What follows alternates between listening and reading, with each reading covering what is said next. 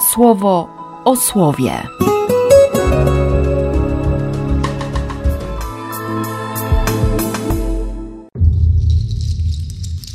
Trzeci czerwca, czwartek, Najświętszego Ciała i Krwi Chrystusa. Z Księgi Wyjścia. I rzekł Mojżeszowi: Idź do Pana ty, Aaron, Nadab, Abichu i siedemdziesięciu ze starszyzny Izraela. Niech oni z daleka pokłonią się Panu. Do Boga niech podejdzie sam Mojżesz, a oni niech się nie zbliżają. Lud natomiast niech z nimi nie idzie. Mojżesz wyszedł i ogłosił ludowi wszystkie słowa i nakazy Boga. Wtedy lud tak jednogłośnie odpowiedział: Wszystkie słowa, które Pan wypowiedział, wypełnimy i będziemy im posłuszni. Mojżesz spisał wszystkie słowa Pana. Wstał Mojżesz wcześnie rano i postawił u stóp góry ołtarz oraz dwanaście kamieni według liczby dwunastu plemion Izraela. Potem wysłał młodzieńców spośród synów Izraela, by przyprowadzili byczki. Złożyli je Bogu w ofiarach całopalnych i jako ofiary związane z ocaleniem. Mojżesz wziął połowę krwi i wlał do naczynia, a drugą połową krwi polał ołtarz. Ujął księgę przymierza i odczytał ją głośno ludowi. Odpowiedzieli: Wszystko, co powiedział Pan, uczynimy i będziemy posłuszni. Potem Mojżesz wziął krew, pokropił nią lud i rzekł: To jest krew przymierza, które Pan zawarł z wami według słów w nim umieszczonych. Z listu do Hebrajczyków. Tak Duch Święty objawia, że jeszcze nie jest otwarta droga do sanktuarium, skoro stoi nadal ten pierwszy namiot.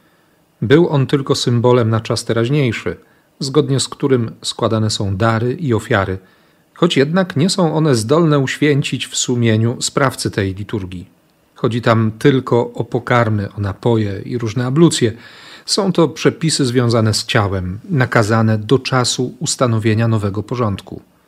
Tymczasem Chrystus, zostawszy arcykapłanem dóbr wykonanych, przez większy i doskonalszy namiot, nie ręką uczyniony, to znaczy nie należący do tego świata, i nie dzięki krwi kozłów i cieląt, lecz dzięki własnej krwi, wszedł raz na zawsze do sanktuarium, zdobywszy wieczne odkupienie. Jeśli bowiem krew kozłów i byków oraz posypanie popiołem cieląt poświęcało okrytych zmazą ze skutkiem rytualnej czystości ciała, to tym bardziej krew Chrystusa, który za sprawą wiecznego ducha siebie złożył Bogu w nieskalanej ofierze, oczyści nasze sumienia z martwych uczynków, byśmy Boga, który żyje, czcili w liturgii. I dlatego jest pośrednikiem nowego przymierza, aby dzięki jego poddaniu się śmierci dla odkupienia z przestępstw dokonanych za pierwszego przymierza, otrzymali zaproszeni obietnicę wiecznego dziedzictwa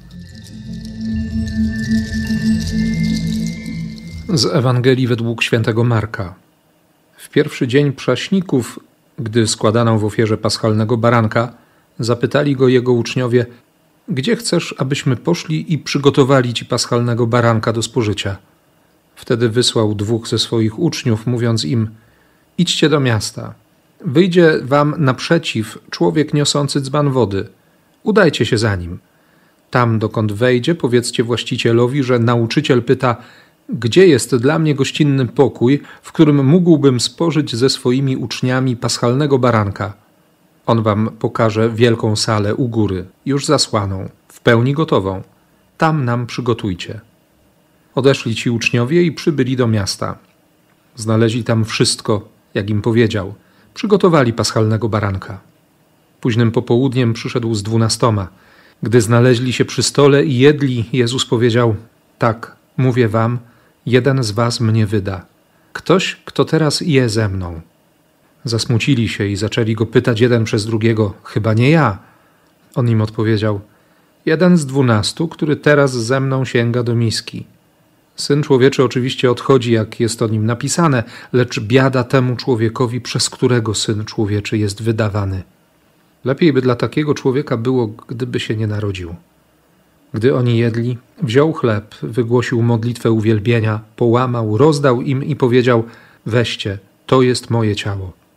Potem wziął kielich i po modlitwie dziękczynienia dał im. Pili z niego wszyscy. Powiedział im: To jest moja krew przymierza, wylewana za wielu. O tak, oświadczam wam, odtąd już z tego plonu winorośli nie wypiję, aż do owego dnia, kiedy wypije go nowy w Królestwie Boga. Po psalmach udali się na Górę Oliwną. Dzisiaj jakoś nie mam w głowie egzegezy tych tekstów, ale właściwie drogę, którą wykonuje Jezus już po zakończeniu paschalnej wieczerzy. Wtedy się wszystko zaczyna. Ale faktycznie mamy jeszcze wcześniej trzy słowa. Dwa razy Izrael mówi: Wszystkie słowa, które Pan wypowiedział, wypełnimy i będziemy im posłuszni. Wszystko, co powiedział Pan, uczynimy i będziemy posłuszni. I za chwilę Mojżesz wejdzie na górę, będzie rozmawiał z Bogiem dość długo, ponad miesiąc, a Izrael sobie zrobi złotego cielaka. A Bóg i tak będzie zawierał przymierze. Bóg i tak będzie wierny. A teraz, jak mówi autor listu do Hebrajczyków, Chrystus, który, który dzięki własnej krwi wchodzi raz na zawsze do sanktuarium i ma w rękach wieczne odkupienie. Ta krew Chrystusa oczyści nasze sumienia z martwych uczynków. On naprawdę ciągle szuka sposobu, żeby mnie zbawić. Wyprowadza czasami za twarz z każdej mojej głupoty, ze wszystkiego, absolutnie ze wszystkiego, co mnie prowadzi do śmierci, po to, żebym przyjął. Nie, żebym zrozumiał, bo, bo nie zrozumiem, ale mogę przyjąć. To, co jest pod spodem, między słowami zapisanymi przez Marka w czternastym rozdziale jego Ewangelii. Oni naprawdę nie rozumieją. Wziął chleb, wygłosił modlitwę uwielbienia, jak zawsze. Połamał, rozdał ten chleb nagle słyszą: To jest moje ciało. Mija chwila, jest modlitwa dziękczynienia nad kielichem, podaje ten kielich, piją i nagle słyszą: To jest moja krew. To jest krew przymierza. Nie zrozumieli. Wszyscy poszli na górę oliwną, wyśpiewali psalmy, zakończyli hymnem. E, skończyła się pascha, jakby, a on ich wyciąga za miasto. I tam jest ciąg dalszy. I uciekają. I nie są w stanie wytrwać na pasrze. Nie? W cudzysłowie nie będą mieli zaliczonej paschy, bo nie widzieli, jak krew wypływa z baranka. Poza jednym. Jan tylko został pod krzyżem nie rozumieli. I my dzisiaj chyba nie jesteśmy jakoś daleko z przodu w porównaniu do dwunastu. Ale możemy przyjmować, możemy brać. Nie? Słyszysz, weź, to jest moje ciało. I bierzesz. Podaje kielich i mówi, to jest moja krew przymierza. I bierzesz. I nawet te procesje dzisiaj. Jasne, rozumiem, że że idziemy w obecności króla, Boga. Wcześniej jest orszak, wszystkie sztandary, wszyscy konsekrowani i ci, którym Kościół zaufał i dał święcenia. Potem jest on, król, i za królem ci, którzy, którzy potrzebują jego panowania, bo sami nad sobą nie panują. Ale, ale mam cały czas w głowie to skojarzenie, to przekonanie, że dobrze byłoby, gdyby procesja wyglądała inaczej żeby on szedł jako pierwszy, bo zbyt często zapominam, ja zapominam, że nie muszę go wyprowadzać, nie muszę go wyciągać z tabernakulum, żeby się rozejrzał, nie? żeby poddychał świeżym powietrzem. I ja mu teraz pokażę, jak wygląda świat, bo on cały czas siedzi w zamknięciu.